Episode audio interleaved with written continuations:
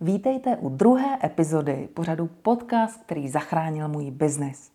V tomhle díle s vámi proberu největší překážku, se kterou se setká každý, kdo začíná podnikat. Je to téma, jak zdražit a ustát tu zvýšenou cenu. A to jak před sebou, tak před zákazníkem. Tohle je ultra důležité téma. Většina lidí, kteří podnikání nezvládnou, končí právě na tomhle. Takže dobře poslouchejte, protože to, co teď uslyšíte, může váš biznis opravdu zachránit. Vítejte v pořadu podcast, který zachránil můj biznis. Podcast pro vás natočila lektorka tvůrčího podnikání Bohdana Goliášová. Většina z nás, kdo svůj koníček chce přetvořit eh, v opravdové podnikání, tak v jednom bodě narazí na takovou překážku a na to není až tak překážka jako úplně taxisový příkop. A to je to, že zjistíte, že vyrábíte svoje věci příliš levně na to, abyste se s nima mohli uživit. V tuhle chvíli je nejlepší normálně si prostě vzít kalkulačku a úplně si udělat takový úplně jednoduchý, hrubý výpočet. Jo, většinou může to vypadat třeba takhle. Někdo vyrábí výrobky nějaké a ten jeden výrobek prodává třeba za 350 korun a ten výrobek eh, mu trvá hodinu a půl vyrobit. A ten člověk si říká, dobře, tak hodinu a půl, 350 korun, to je vlastně docela dobrá cena. Jenomže, když se potom podíváte na skutečné náklady, tak zjistíte, že z těch 350 korun tomu výrobci zbyde třeba 120. Jo, z jednoho výrobku, který prodá za 350 korun, mu zbyde nějakých 120 korun. A pokud tenhle člověk se chce stát takovým podnikatelem, který se na sebe vydělá, to znamená například má nějaký průměrný plat kolem 30 tisíc, tak aby se dostal na těch 30 tisíc, tak takových výrobků, ze kterých mu zbyde těch 120 korun, by musel za měsíc vyrobit a prodat 250. Jo, pro představu, to na jeden pracovní den je 12,5 výrobků. A předtím jsme si říkali, že třeba výroba jednoho výrobku trvala hodinu a půl, tak to by bylo jenom přes 19 hodin jenom ta výroba. A ono ještě většinou uh, větší úsilí někdy, než to vyrobit, uh, stojí to prodat a, a taky čas. Jo, takže vidíme, že Eh, ten případ, kdy výrobce vyrábí něco za 350 korun, eh, vlastně nemůže ani vést k tomu, že si na sebe vydělá nějaké jako rozumné peníze, které uživí jeho a jeho rodinu.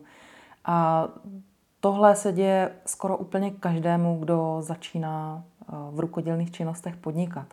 Takže na začátku je dobré udělat si úplně nahrubo takovýhle nějaký výpočet, jako kolik stojí můj výrobek, když odečtu úplně všechny náklady, kolik mi z toho zbyde. Mám částku, která mi zbyde. Teď se chci dostat na nějakou měsíční částku, kterou chci vydělat a musím myslet realisticky, takže tam nedávám 15 tisíc, ale pokud platím hypotéku, tak tam prostě dám minimálně těch 30. Jo, a zjistím, kolik vlastně toho musím vyrobit a prodat za měsíc. A podívám se, jestli je to reálné. Většinou není. Takže většinou dojdeme k tomu, že potřebujeme si spočítat eh, nějakou pořádnou cenu. Jo, pořádnou cenu nespočítáme v podcastu, protože na to potřebujeme tabulku a, a potřebujeme si vysvětlit, co všechno tam patří a podívat se, jak ta tabulka funguje. Jestli si chcete spočítat uh, nějakou reálnou cenu vašich výrobků, tak přijďte na kurz nebo se to naučte v online kurzu. Ale já vám teďka řeknu eh, od toho momentu dál, když víte už tu pořádnou cenu, například ten člověk, co ten výrobek prodával za 350 korun, tak zjistí, že reálná cena toho výrobku je 700, když tam započítá všechny náklady, včetně nákladů na svůj zisk, to znamená, aby ho to opravdu užil, uživilo. Jo?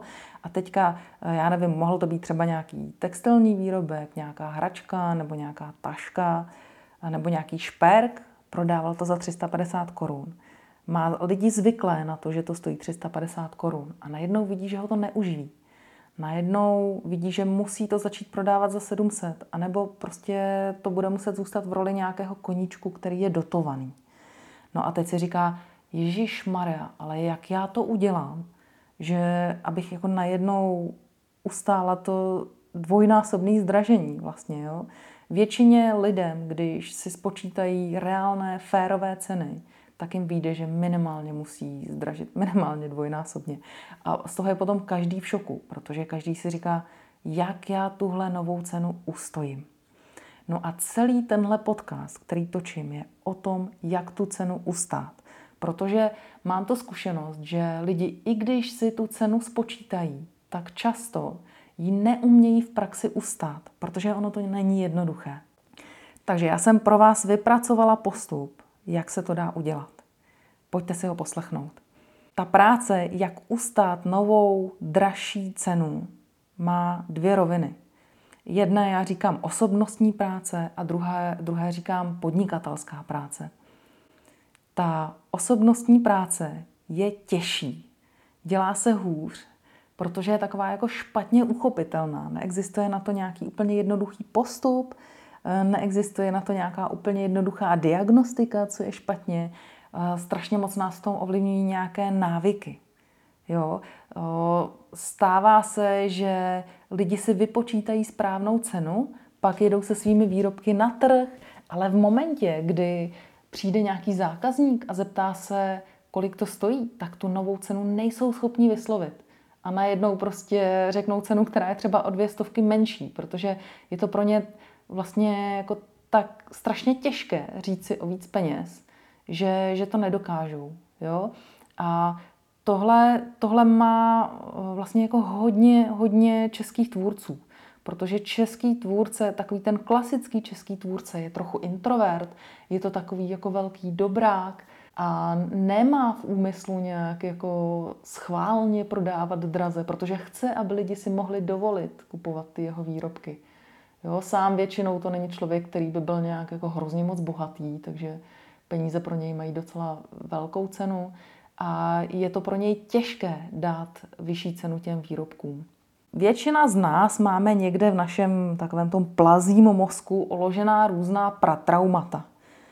Z doby, kdy jsme žili v tlupách a odmítnutí tlupou znamenalo smrt. Když se dítě narodí a je odmítnuto matkou, tak to taky znamená smrt. Takže máme vlastně obrovský strach z odmítnutí. A tím, že zdražíme, tak se docela jako hodně tomu odmítnutí vystavujeme. Protože představte si, že přijde zákazník, který byl zvyklý, že to stálo tři stovky a vy mu najednou řeknete, že to stojí 700, jo, tak ono je vlastně docela hodně pravděpodobné, že tohohle zákazníka ztratíte. Jo, že prostě ten člověk, který byl zvyklý si to kupovat uh, za levné peníze, tak za tu reálnou cenu už mu to prostě bude připadat hodně, protože byl naučený na tu cenu, co byla předtím. No a my to budeme prožívat často jako velké odmítnutí. Jo? Spousta lidí nikdy vlastně nezačne podnikat, protože se bojí toho odmítnutí. Toho, že lidi nebudou ty jeho výrobky chtít, nebo že jim budou připadat moc drahé, nebo se jim z nějakého důvodu nebudou líbit. A tohle všechno se potom strašně obrazí v tom podnikání. Jo? To je něco, co máme někde na pozadí v hlavě. A vlastně nám to brání dát si a ustát férovou cenu našich výrobků. S úplně jako dobrým pocitem říkat tu férovou správnou cenu. Jo? A to je něco, kam my se potřebujeme dostat. Takže na tohle my se potřebujeme podívat. Jakým způsobem se s tím hledá pracovat? Zkoumejte trochu sami sebe.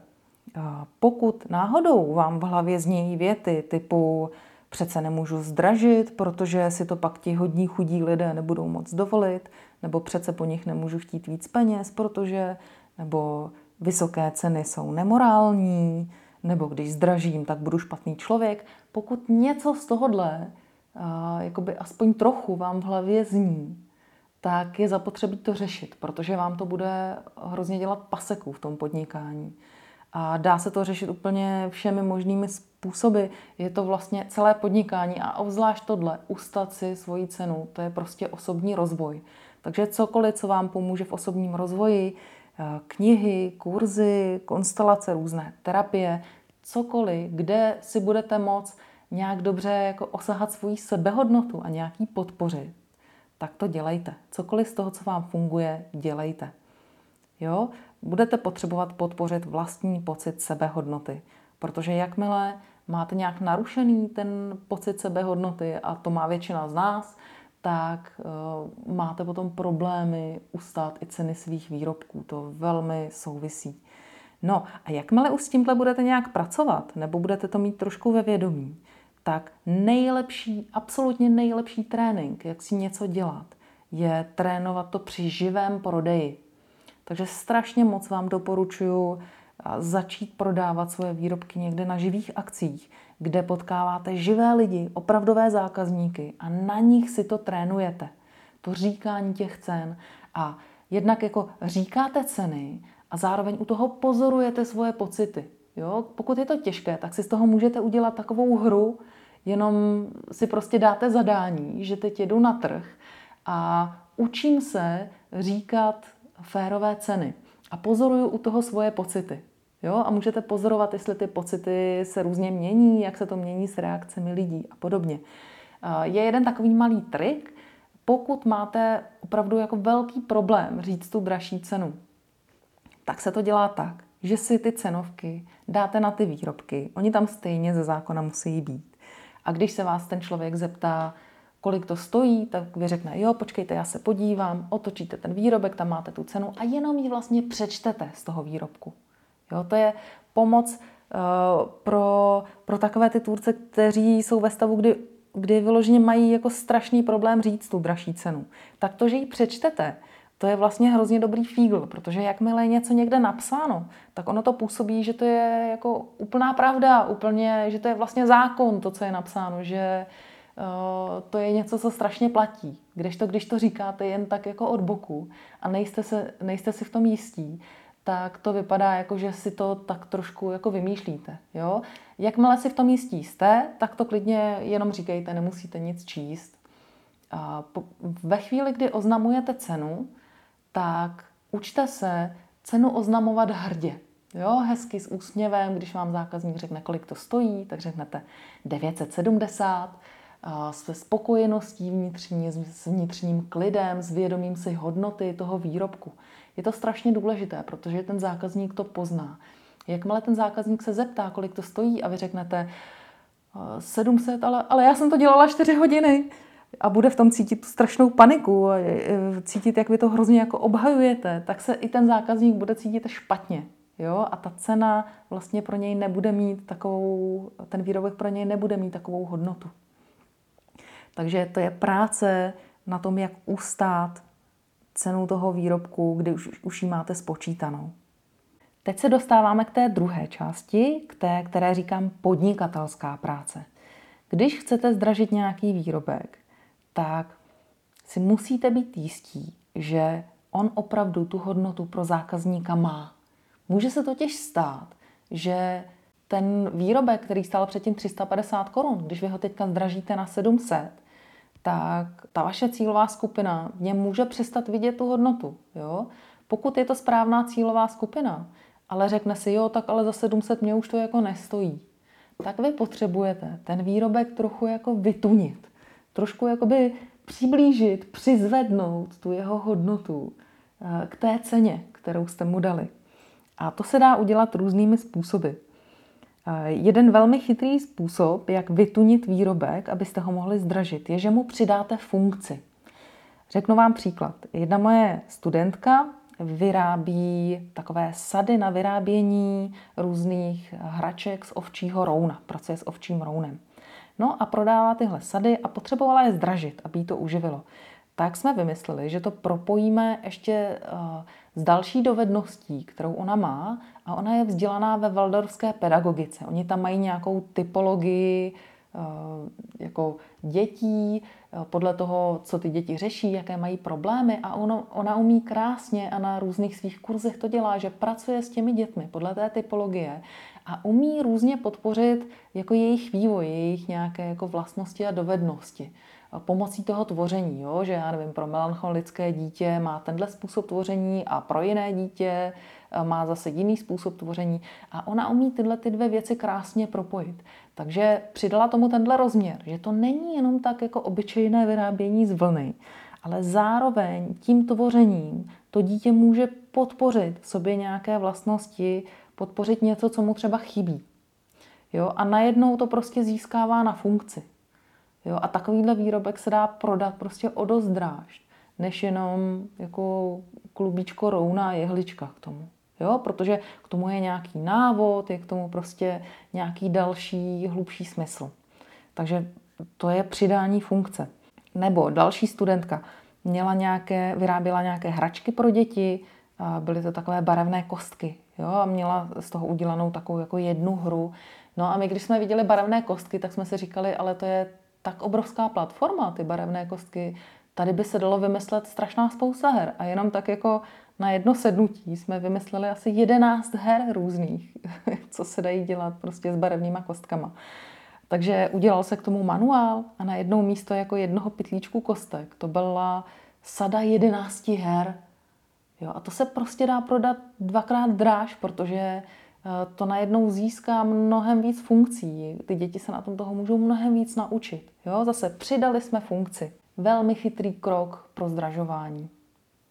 Eh, dá se tohle udělat skoro se vším. S oblečením, se šperky, Eh, šperky a oblečení se dají dělat různě multifunkční, že to může chvíli sloužit jako něco a za chvilku jako něco jiného. Může se to nosit na více způsobů. A tyhle ty věci, které se tak jako dají různě předělávat převracet různě se s nimi takhle dá pracovat, tak právě jako hrozně získávají na popularitě. Jo? A člověk si řekne, no jo, ale když tohle zároveň můžu nosit takhle a ještě takhle, tak to je jako vlastně dvě věci najednou. No tak to je jasný, to já si to klidně koupím dráž. Jo? A už vidíte to uvažování, že najednou je vlastně jednoduché obhájit tu vyšší cenu. Jo? Takže přidat funkci. Další věc, která se dá udělat, abyste dobře prodali zdražený výrobek, je ten výrobek jako zasadit do nějaké sady nebo řady výrobků. Nedělat jenom jeden samostatný výrobek, ale dát mu nějaký smysl v nějaké sadě nebo řadě.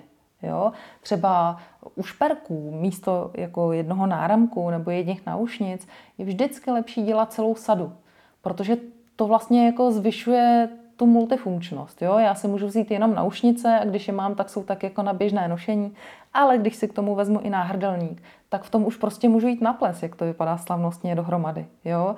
Nebo jedna studentka to zase vyráběla různé věci pro recyklaci v domácnosti, různé takové pytlíčky a tašky a vychytávky prostě pro pro recyklování v domácnosti. A taky měla jen takové jako jednotlivosti. A my jsme vymýšleli, že jsme udělali celou sadu, jako sadu, recyklační sada pro celou domácnost. A nebo ještě lépe pro celou firmu. Jo, to strašně dobře funguje. A taková sada se dá prostě prodat mnohem líp, než, než ta jedna jednotlivá věc. Tak to jsou sady. Pak se dají dělat řady. To znamená věci, které nějak jako na sebe navazují. Třeba když si představíte nějakou, že někdo vyrábí nějaké dřevěné hračky a v tom prvním kroku, kdy jsme přidávali funkci, tak když to bylo třeba jenom dřevěné autíčko, tak prostě si říkáme, no jo, no, tak dřevěné autíčko, ale no to prostě strašně drahý vyrobit, takže je to pak drahý a kdo si koupí jen tak takový dřevěný autíčko. No ale ten člověk, který to vyrábí, tak zároveň Eh, zase umí toho dost o vzdělávání dětí, umí je učit, jak se vztahovat k sobě, jak komunikovat, tak z toho autíčka vlastně může vyrobit takovou hru, jo, třeba prostě kamarádi jedou autem a teď se řeší tam prostě nějaký problémy, jakože zároveň se jede tím autem, ale zároveň přijde nějaký problém, který může, může to mít nějaký herní plánek, nějaké kartičky a ty děti musí řešit, jak se s tím problémem vyrovnají, jak se na tom dohodnou a podobně. A můžou se na tom učit tu komunikaci. A strašně to zvýší hodnotu té hry, tak to jsme jako přidávali funkci, to byl ten první krok. A teď, když budeme chtít udělat řadu, tak prostě ta první bude kamarádi jedou autem a druhá řada bude kamarádi jsou ve škole nebo ve školce, nebo pak s lodičkou kamarádi jedou na moři. Jo? A můžou tam právě jako se přidávat ty další situace. Můžou to být řady, které vlastně věkově třeba rostou s tím dítě, dítětem a řeší jakoby věkově odlišné problémy, jo? že ve školce řeší tyhle problémy a ve škole už zase trochu jiné. Jo? Taková řada, která jakoby nějak eh, chronologicky navazuje. Takže v prvním kroku jsme přidali funkci a umístili jsme ten náš výrobek do nějaké sady, a nebo ještě lépe řady těch výrobků. Druhá věc, na kterou nesmíme zapomenout, když chceme zdražit, musíme si vybrat správnou cílovou skupinu a vyřešit jí nějaký palčivý problém. Jo, už jsme si to dávali za příklad předtím. Dřevěná hračka, jako jo, OK, dřevěná hračka, hezký, no, ale že bych za to dala devět stovek, mm, to úplně ne. Ale pokud to není jenom dřevěná hračka, ale je to zároveň hra na rozvoj nějakého sociálna vztahu mezi dětmi, tak to už pro mě teda sakra má hodnotu, když já najednou ještě můžu svoje dítě u toho naučit, jak se má chovat ke kamarádům a co má všechno jako dělat. Jo, to už prostě má mnohem větší hodnotu, takže najednou to jako řeší nějaký můj problém. Takže uh, nesnažte se prodávat svoje výrobky všem. Hledejte si svoji cílovou skupinu. Jo, podívejte se na to, v čem jste dobří, čemu hodně rozumíte, jaké vlastní problémy dovedete dobře řešit a hledejte podobnou cílovou skupinu podobných lidí, kteří řeší podobný problém jako vy. Jo, vy budete expert na tohle, budete to umět dobře řešit. Jakmile vy najdete nějaký problém, eh, který můžete někomu pomoct někam posunout, nějak něco zlepšit reálně v jeho životě tím, co vyrobíte, tak máte vyhráno, tak prostě se vám ty ceny budou mnohem líp obhajovat. A nebuďte špatní z toho, pokud vyrábíte třeba dekorace nebo něco, o čem máte pocit, že to není užitečné. Často rukodělné výrobky mají svoji hodnotu v emocích. Rukodělné výrobky to jsou takové jako úplně emočně nabité věci. A naše společnost je emočně deprivovaná. Jo? Všímejte si, že třeba strašně frčí různé retro věci. A proč to tak je? Protože my si všichni rádi připomínáme, jaké to bylo, když jsme byli malí, jak jsme měli krásné pocity v tom dětství. Jo, a to je všechno o pocitech, jinak není důvod kupovat si staré věci, krom toho, že nám to přináší dobrý pocit. Lékem na bolest můžou být i emoce. V tom případě vy potřebujete jenom umět uchopit a pojmenovat, co je to, co ty vaše výrobky lidem přinášejí, co jim léčí, jaká je ta emoce. Abyste dovedli vybrat podle toho správně tu cílovou skupinu. Takže nesnažte se prodávat všem, hledejte si svoji specializovanou cílovou skupinu a řešte její problém. Jakmile se vám to podaří, nebudete mít problém prodávat za draho. Třetí věc, která je hrozně důležitá pro to, abyste mohli prodávat svoje výrobky dráž, je budování značky. A teď o čem mluvím, pokud já mluvím o budování značky? Já mluvím o vnitřním smyslu toho, co vyrábíte. Jo? A my už jsme o tom předtím mluvili. Vaše výrobky musí umět lidský život o něco zlepšit. Musí lidem přinést do života něco, čím ten život zlepší. Jo? Jakmile vy přijdete na to, čím můžete lidem zlepšit kvalitu jejich života pomocí vašeho výrobku, tak máte vyhráno. Jakmile tohle máte, jakmile jste tohle vynalezli, tak si můžete začít budovat takovou pozici experta. Jo? Vy jste něco vynalezli, vy jste přidali svému výrobku nějakou funkci, eh, propojili jste třeba nějaké dva obory, Jo, vlastně jste pojmenovali nebo vynalezli nějaký jako nový obor de facto. Jo? A teď, jakmile vy máte tenhle nový jako v úvozovkách vynález, tak okamžitě mu dejte nějaké nové jméno, nějak pojmenujte tu techniku nebo ten obor, nějak to celé jako pojmenujte. Jo, protože vy jste to vlastně, vy jste ten tvůrce, vy jste to vynalezli. Nestyďte se tomu dát nějaké nové jméno. Nebo když používáte nějakou techniku, ale vy jste ji nějak inovovali, vy jste přišli na to, jak to udělat líp, pojmenujte to nově. Jo, jakmile, eh, protože vy jste opravdu jako něco vynalezli, udělali jste něco nového. A jakmile vy budete mít i ten nový název toho, tak vy jste autor té nové techniky, nebo vlastně jste jako nějaký průkopník nějaké no, nějakého nového oboru. A to vám hodně pomáhá při budování té expertní pozice. To neznamená, že budujete svoje ego. To znamená jenom, že opravdu pojmenováváte to, že jste duchovní matkou nebo duchovním otcem něčeho nového. A to je důležité. Tu svoji značku budujete pomocí toho, co jste dokázali, pomocí toho, co jste vymysleli, co, co nového jste přinesli světu.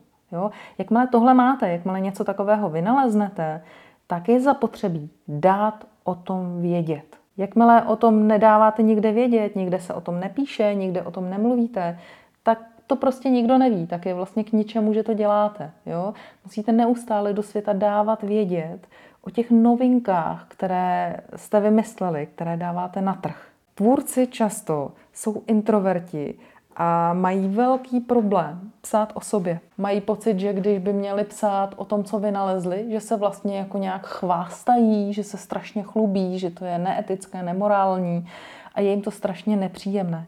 Pokud to takhle máte, tak to dělejte tak, že nebudete psát jako přímo o sobě, ale budete psát o té nové technice, o tom novém výrobku, o tom novém oboru, který vlastně jste vynalezli, že jste něco propojili. Jo, pište o tom, o té svojí práci. Samozřejmě tam zmíníte, že jste duchovní matkou nebo otcem toho, ale nemusíte to psát o sobě jako já, velmistr světa, jsem vynalezl tohle, ale budete psát, je tady takováhle nová technika, umí to tohle, prostě s dětma to dělá tady to, můžou se na tom naučit dalších sto věcí. Jo, budete psát o tom, co jste, s čím jste přišli. Další věc, která pomáhá k budování nějakého vašeho jména, nějaké pozice experta, je cena toho, co prodáváte. Pokud máte nízké ceny, tak to sráží pocit hodnoty toho, co děláte. Čím vyšší je cena, tím víc si toho lidi váží, tím méně budete mít problémových zákazníků a tím více budete mít zákazníků, kteří vás ocení. Další věc, kterou potřebujete k tomu, abyste, abyste měli dobré jméno a značku, je vaše poctivost a spolehlivost. Je zapotřebí, aby vaše podnikání bylo tak legální, jak jen to jde. jo, to znamená, to znamená, eh, neposílám zboží bez faktur, nepíšu to na bratrance, jo, píšu to na sebe, udělám si prostě živnost, posílám to s fakturama, všechno přiznávám, mám to všechno čistý. Jakmile to neděláte, jakmile začnete posílat něco bez faktury, anebo se začnete domlouvat s zákazníkem, jo, jo, dobře, ale já to napíšu na bratrance, jo, on má živnost nějak, tak to strašně sráží pocit, že vy jste nějaký expert. Jo, to uh, si úplně zničíte ten pocit toho zákazníka, že jste profesionál. Takže všechno dělat poctivě. Vaše spolehlivost. Naučte se nastavovat si procesy tak, abyste byli schopni lidem odpovídat na jejich e-maily a e, plnit jejich zakázky e, v nějakém dohodnutém čase. Čím dřív, tím líp samozřejmě. Jo?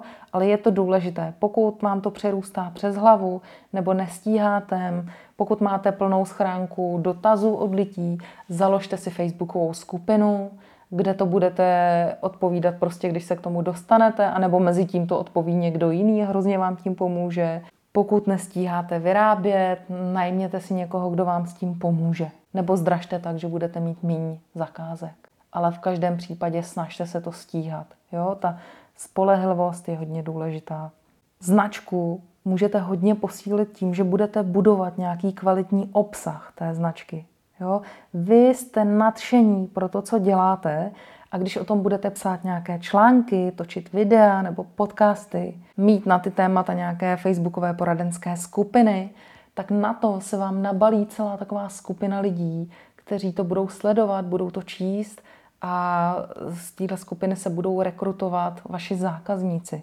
Tím se dostáváme k dalšímu bodu a to je budování vztahu se zákazníkem.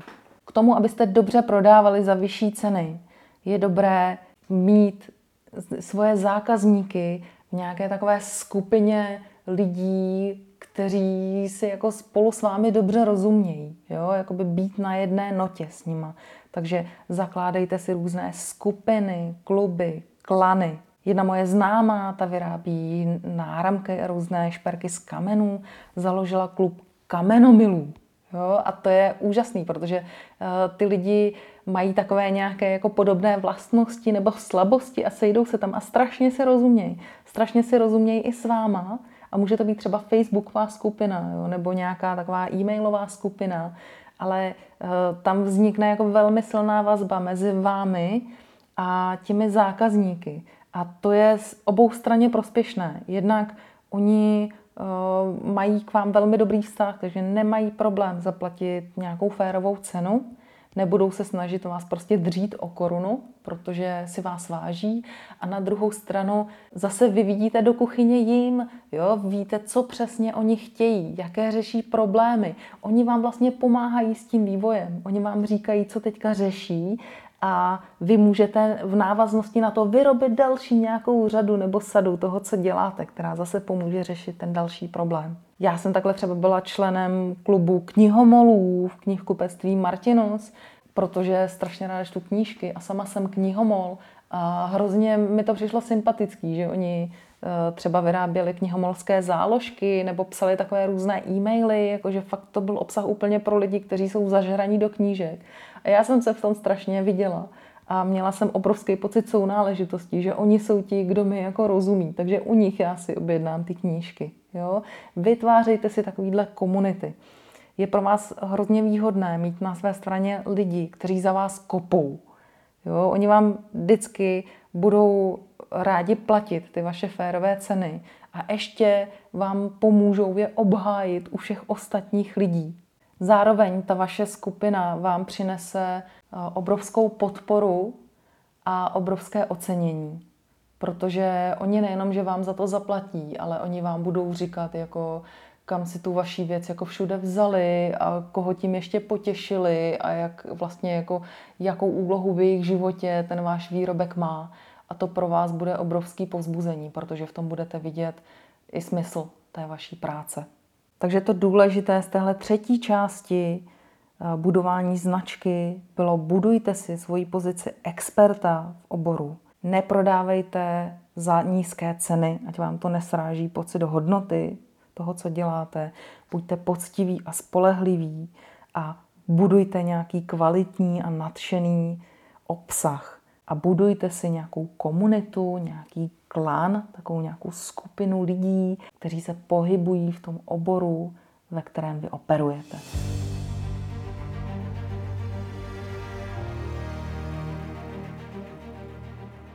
Tak, řekla jsem vám toho hodně. Abyste to nezapomněli, zpracovala jsem to pro vás do takového taháku. Napište si o něj pod podcastem. Když se budete chtít naučit něco dalšího, tak pod podcastem najdete odkaz na průvodce rukodělným podnikáním. To je pětidílný videoseriál zdarma. Taky je tam odkaz na facebookovou skupinu Tvůrci v praxi poradna, kam se můžete přihlásit a zeptat se tam na cokoliv ohledně tvůrčího podnikání. A pokud vám to nestačí a chcete těch vědomostí ještě víc, tak přijďte na víkendový kurz, jak se živit svým rukodělným koníčkem. Můžete si objednat taky konzultaci anebo se přihlásit do mentoringu. Uvidíte ten sešup. A poslední, pokud jste na mateřské a nemůžete sehnout z domova, tak mám pro vás nově i online kurz od koníčku k živobytí. Najdete ho na mém webu tvůrci v praxi.cz. A teď se s vámi loučím. Neutuchající tvořivé nadšení a podnikání, které frčí, vám přeje Bohdana Goliášová. Těším se na příště.